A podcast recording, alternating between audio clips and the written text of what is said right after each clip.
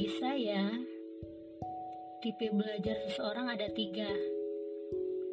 Yang pertama dengan audio, dan yang kedua dengan visual, ketiga dengan audio visual. Tidak banyak orang yang hobi membaca, ada juga yang gemar mendengar. Dan alasan saya membuat podcast ini adalah untuk membantu mereka belajar dengan cara mendengar.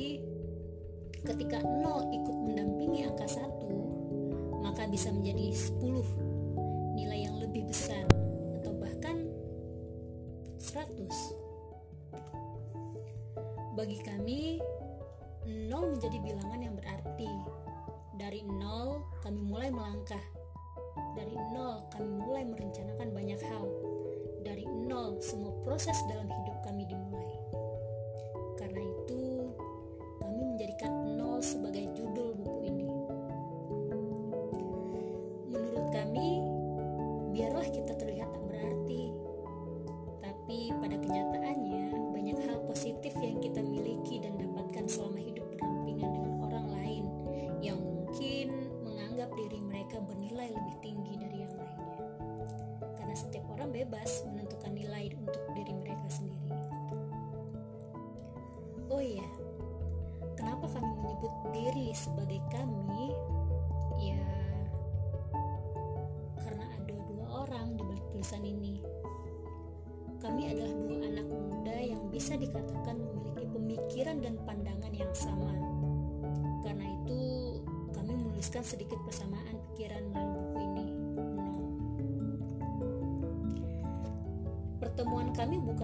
disengaja atau bahkan direncanakan. Semua berawal dari perkenalan kami pada 2016. Obrolan panjang di salah satu sudut kafe membuat kami menemukan banyak persamaan.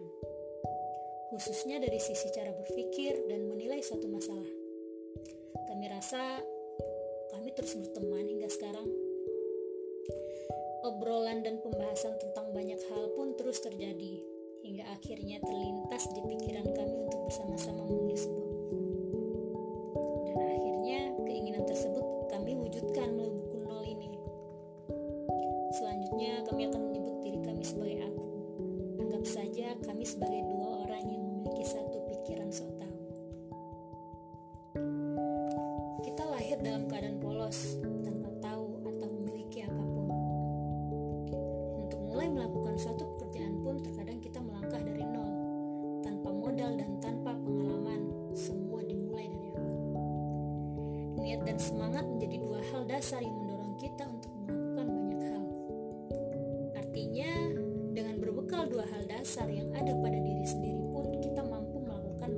besar. Banyak orang menulis buku tentang kesuksesan, mulai dari definisi sukses hingga cara menggapai sukses itu sendiri. Akibatnya, banyak di antara kita yang menumpuk atau bahkan mengoleksi buku-buku tersebut. Menjadikan buku motivasi sebagai panduan untuk meraih sukses. Bahkan rela mengikuti setiap kata dan petunjuk dalam buku demi kesuksesan yang sudah dijanjikan. Menurutku, tindakan ini bernilai nol. Kenapa? Sebanyak apa pun buku yang kamu baca, sehebat apa pun penulis menyampaikan materi di dalam bukunya, sesering apa pun kamu mempraktikkan setiap petunjuk dalam buku itu, belum tentu ilmu yang disampaikan melalui buku itu dapat masuk ke pikiranmu. Belum tentu juga kesuksesan orang lain menular ke dirimu. Memangnya kalau baca buku motivasi dijamin sukses.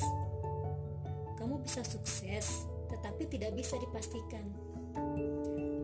Wah, buruk dong kalau begitu. Ah, tidak juga. Buruk-buruk itu hanya pikiranmu saja. Berita baiknya, kalau kamu tidak pasti sukses, berarti kamu pun belum pasti gagal. Jalan untuk membuka pikiranmu, tapi untuk menggerakkan kaki, tangan, dan membuatmu melangkah hanya niat, keinginan, dan aksi dari dirimu sendiri yang dapat diandalkan. Tanpa niat dan aksi, semua tindakanmu tidak berarti. bukanlah motivator.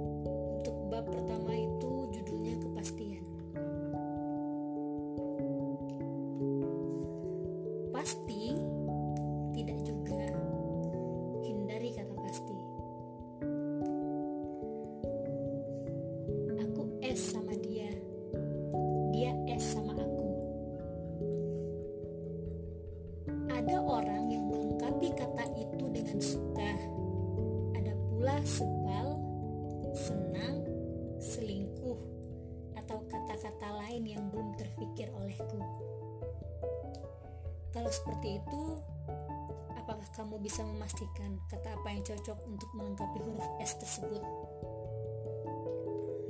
Kamu memang bisa menebak dan melengkapi kalimat tersebut. Tapi yang membuatnya menjadi sulit adalah tidak ada jawaban pasti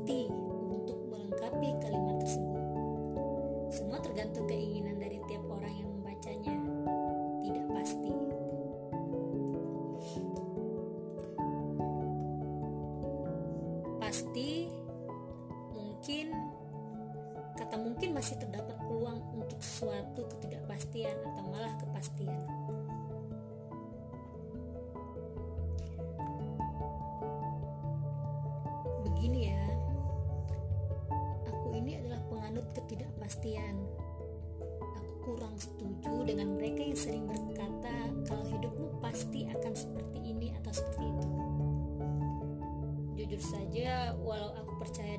Nasib, tetapi aku tidak percaya dengan nasib buruk.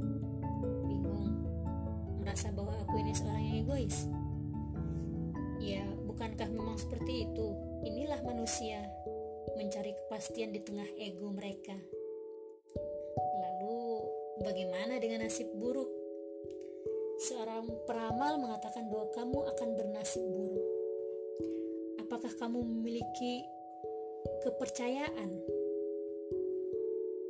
Pasti kamu berusaha untuk mengelak, entah berusaha meragukan kemampuan sang peramal, menuduhnya penipu, hingga mencari tahu tentang ramalan tersebut dan akhirnya memilih untuk mengurung diri di kamar agar terhindar dari kejadian buruk. Seperti inilah manusia, nasib baik selalu kita terima dan nasib buruk selalu ditolak. Kita sebagai manusia bisa dibilang pintar,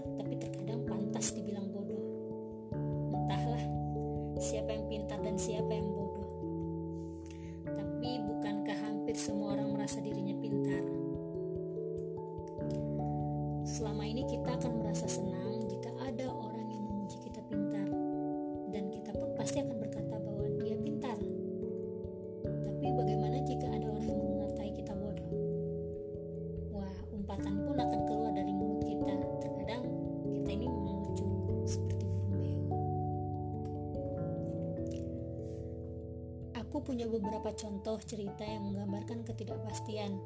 Mungkin kamu pernah membaca kisah ini atau memiliki pengalaman yang mirip dengan cerita berikut. Coba dengar baik-baik. Di Cina ada seorang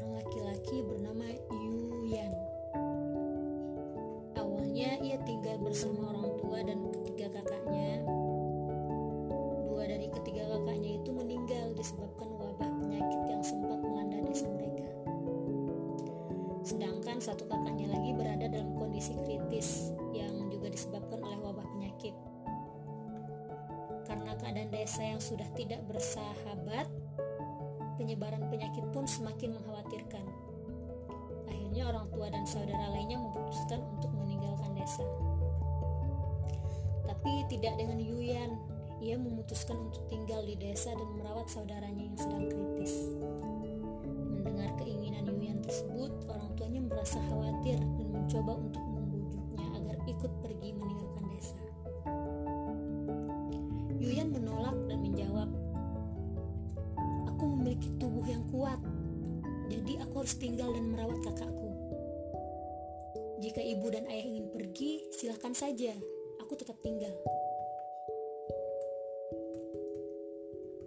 Mendengar ucapannya yang tegas, orang tuanya pun pasrah dan meninggalkan Yuyan bersama kakaknya yang sedang kritis. Orang tua dan semua kerabat pun pasrah dengan keadaan Yuyan dan kakaknya. Terlebih karena penyebaran penyakit semakin meluas dan jumlah penduduk yang meninggal pun terus bertambah. Beberapa bulan setelah orang tuanya meninggalkan desa, akhirnya mereka pun kembali untuk mengetahui keadaan anak-anaknya. Penyakit berhasil diatasi. Dan ternyata apa yang mereka khawatirkan tentang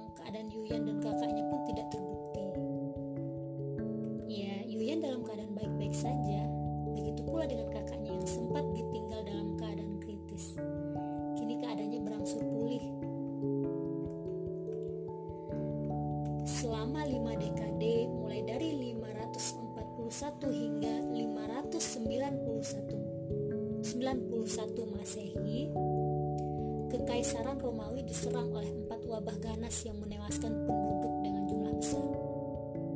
Tidak banyak data, bukti yang bisa dikumpulkan pada saat itu. Hanya saja para sejarawan sempat mencatat kejadian itu. Menurut catatan sejarah, pada beberapa pasien yang terkena wabah penyakit menunjukkan beberapa gejala awal. Salah satu sakit yang terhebat di kepala, Lalu dilanjutkan dengan mata yang mulai terlihat merah dan wajah membengkak. Selanjutnya mereka mulai merasakan sakit di bagian tenggorokan dan keadaan mulai tidak bisa dikendalikan. Banyak penduduk yang meninggal, beberapa pasien yang terinfeksi coba untuk diselamatkan. Tapi usaha itu tidaklah berhasil. Korban tersebut bertambah setiap harinya. Mayat mulai menumpuk di pinggir jalan, tidak ada yang berani menguburkannya. Saat itu suasana kota menjadi angker. Seluruh kota diselimuti aroma menyengat dari mayat yang tidak dikuburkan. Menurut catatan, penyakit berasal dari beberapa sumber, tapi penyebab penyebaran yang paling cepat adalah melalui kontak fisik. Karena itu, korban semakin bertambah. Banyak penduduk selamat merasa ketakutan dan pada akhirnya berusaha untuk menularkan penyakit tersebut dengan sadar ke tubuh mereka sendiri, yaitu dengan menyentuh tubuh korban yang sudah meninggal. Berharap penyakit dapat masuk ke tubuh mereka. Tapi usaha tersebut tidak sepenuhnya berhasil, karena ternyata penyakit tidak bisa menyerang seluruh tubuh penduduk kota.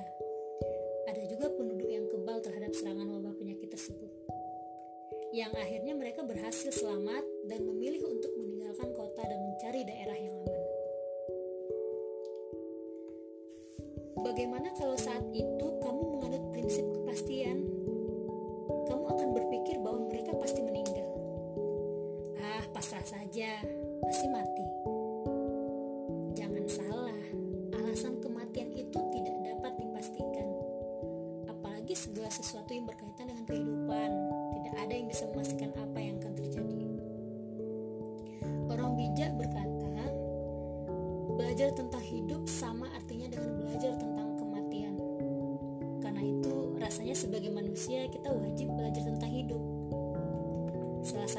alasan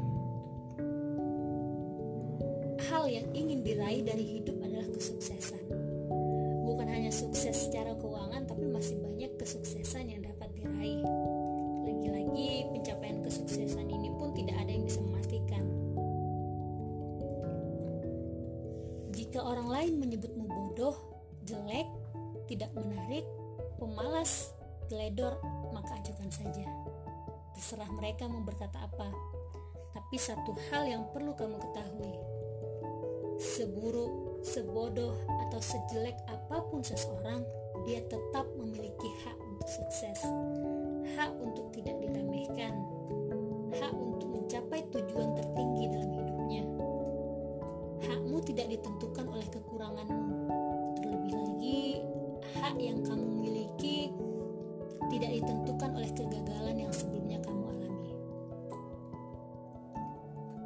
percaya?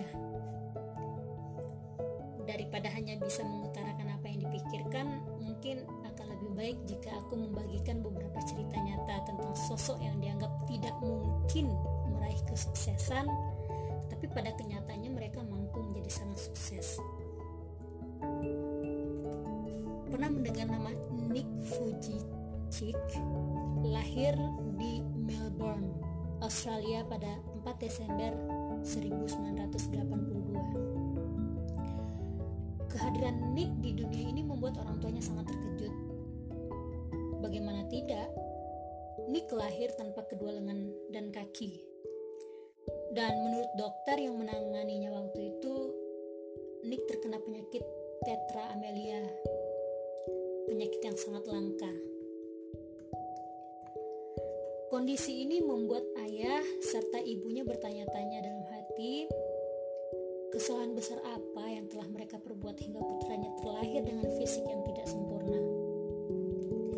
Tak jarang mereka pun menyalahkan diri sendiri atas keadaan Nick. Tapi hal ini tidak berlangsung lama. Mereka sadar bahwa penyesalan dan keterpurukan tidak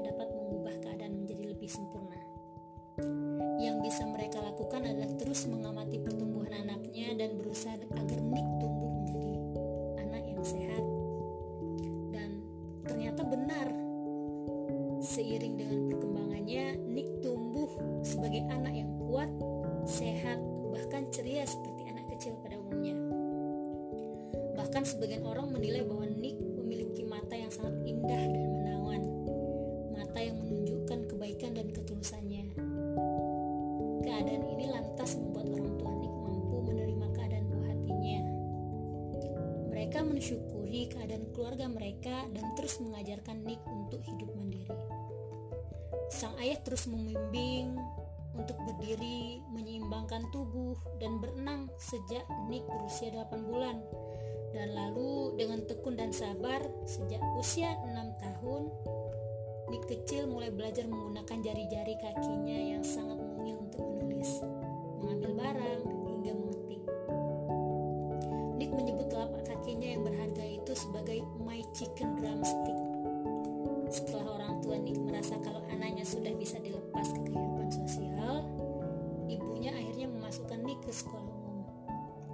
Mereka ingin agar Nick bisa hidup lebih mandiri, kuat secara mental, dan bisa bergaul dengan luas. Tapi yang terjadi saat itu adalah Nick langsung menyadari bahwa keadaannya memang sangat berbeda dari teman-temannya. Nick kecil mengalami berbagai penolakan, ejekan, dan gertakan dari teman-teman di sekolahnya. Perlakuan ini membuat Nick merasa sangat putus asa dan sedih. Bahkan di usia 8 tahun, Nick sempat berpikir untuk bunuh diri. Tapi hal itu tidak jadi dilakukannya karena menyadari betapa banyaknya kasih sayang yang ia miliki. Semua sahabat berusaha untuk menghibur Nick hingga akhirnya ia melupakan kesedihannya. Nick menghapuskan semua pikiran buruknya. Nick kecil pun menjadi lebih bijak dan berani dalam menjalani kehidupan. Bagi Nick, hari-hari dalam hidupnya berlalu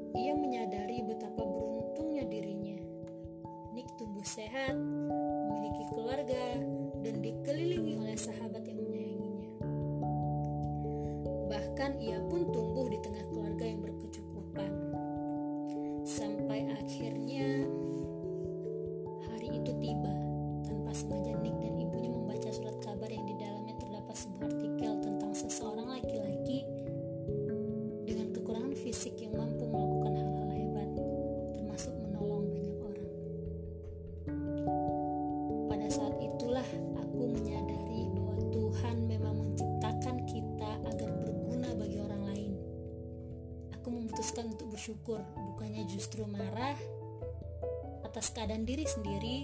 Aku juga berharap suatu saat bisa menjadi seperti laki-laki luar biasa itu, yakni bisa menolong dan menginspirasi banyak orang. Demikian ujar Nick dalam sebuah wawancara.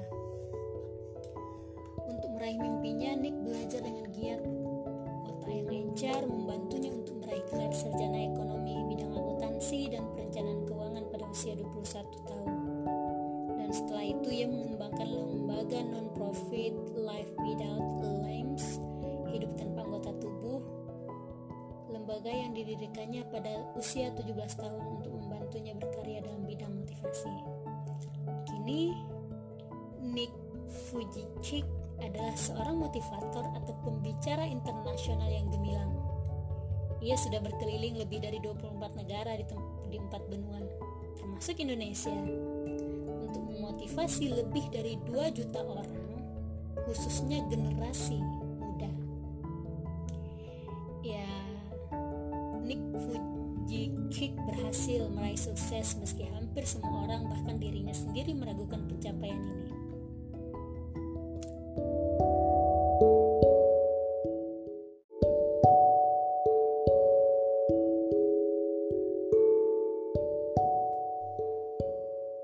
Cerita selanjutnya datang dari anak cacat yang dermawan. Tubuhnya kurus, hanya menyisakan bentuk tulang di balik kulitnya yang pucat. Rambutnya terlihat menguning akibat terpaan sinar matahari dan malnutrisi. Ia tidak mampu berjalan, hanya mampu menyeret-nyeret tubuhnya. Kakinya tidak mampu berdiri dan menopang tubuhnya.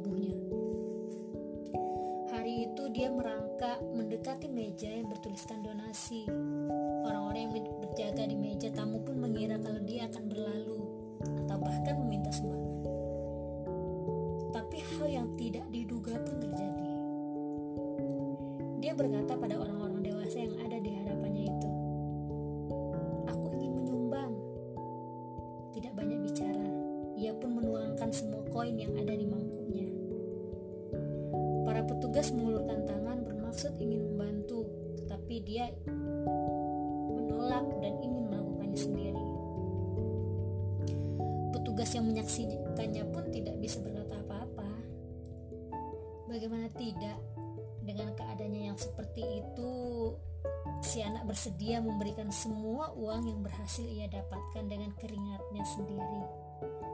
Tapi ternyata tidak hanya itu, Aku masih punya uang lagi, sambungnya dengan antusias sambil merogoh saku celana. Ia berkata dengan antusias sambil merogohkan saku celananya. Kemudian ia mengambil beberapa lembar uang 10 dolar, benar-benar perbuatan yang tidak pernah disangka. Bagaimana? Apa yang kamu pikirkan setelah membaca kisah hidup tersebut? Menurutmu, apakah mereka termasuk orang yang mampu meraih kesuksesan? Tentu saja tidak.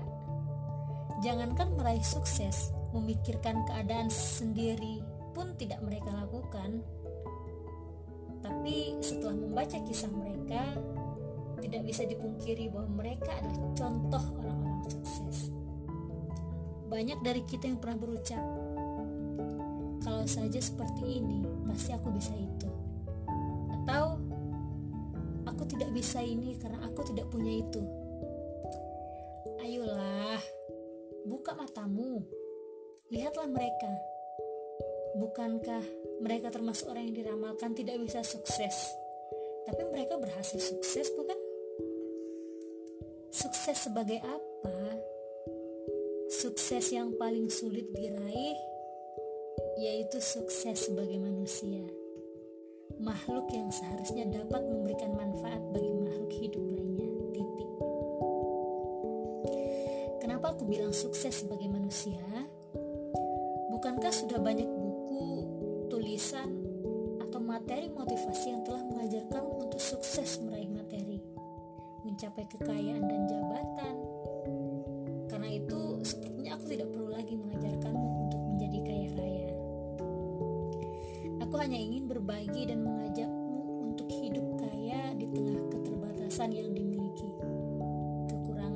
kemiskinan dapat membuat kita merasa kaya. Memangnya kamu hanya bisa merasakan kesuksesan ketika berhasil memiliki mobil seharga miliaran rupiah, mengoleksi berbagai barang ternama, atau terlihat sibuk dengan menenteng laptop ke mana pun kamu pergi. Apakah seperti ini standar sukses yang kamu miliki? Lalu, bagaimana dengan mereka yang memiliki keterbatasan tapi tetap merasa bergelimang kebahagiaan? Renungkan kembali cerita hidup Nick Fujikik dan kisah hidup anak cacat yang dermawan itu. Menurutmu, apakah mereka hadir dengan keadaan yang sempurna? Tidak, mereka bukanlah orang yang hidup dalam kesempurnaan. Justru malah sebaliknya.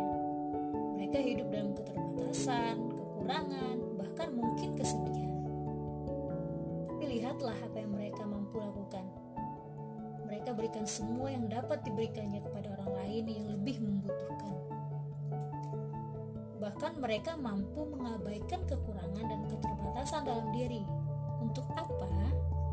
hanya untuk memberikan kebahagiaan kepada manusia lainnya.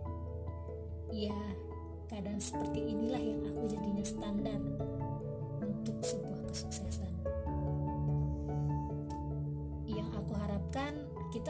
Meraih kesuksesan dengan pola pikir yang benar. Aku tidak ingin kamu mendapatkan kesuksesan dengan cara menghilangkan kemanusiaan itu sendiri. Kita memang sedang menghadapi zaman edan, di mana uang dijadikan raja dan manusia berperan sebagai budak.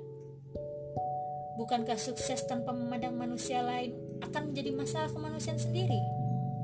Sekali lagi, kamu memang belum pasti sukses, tapi kamu pun belum pasti tidak sukses. Pertanyaannya, apakah kamu mau sukses?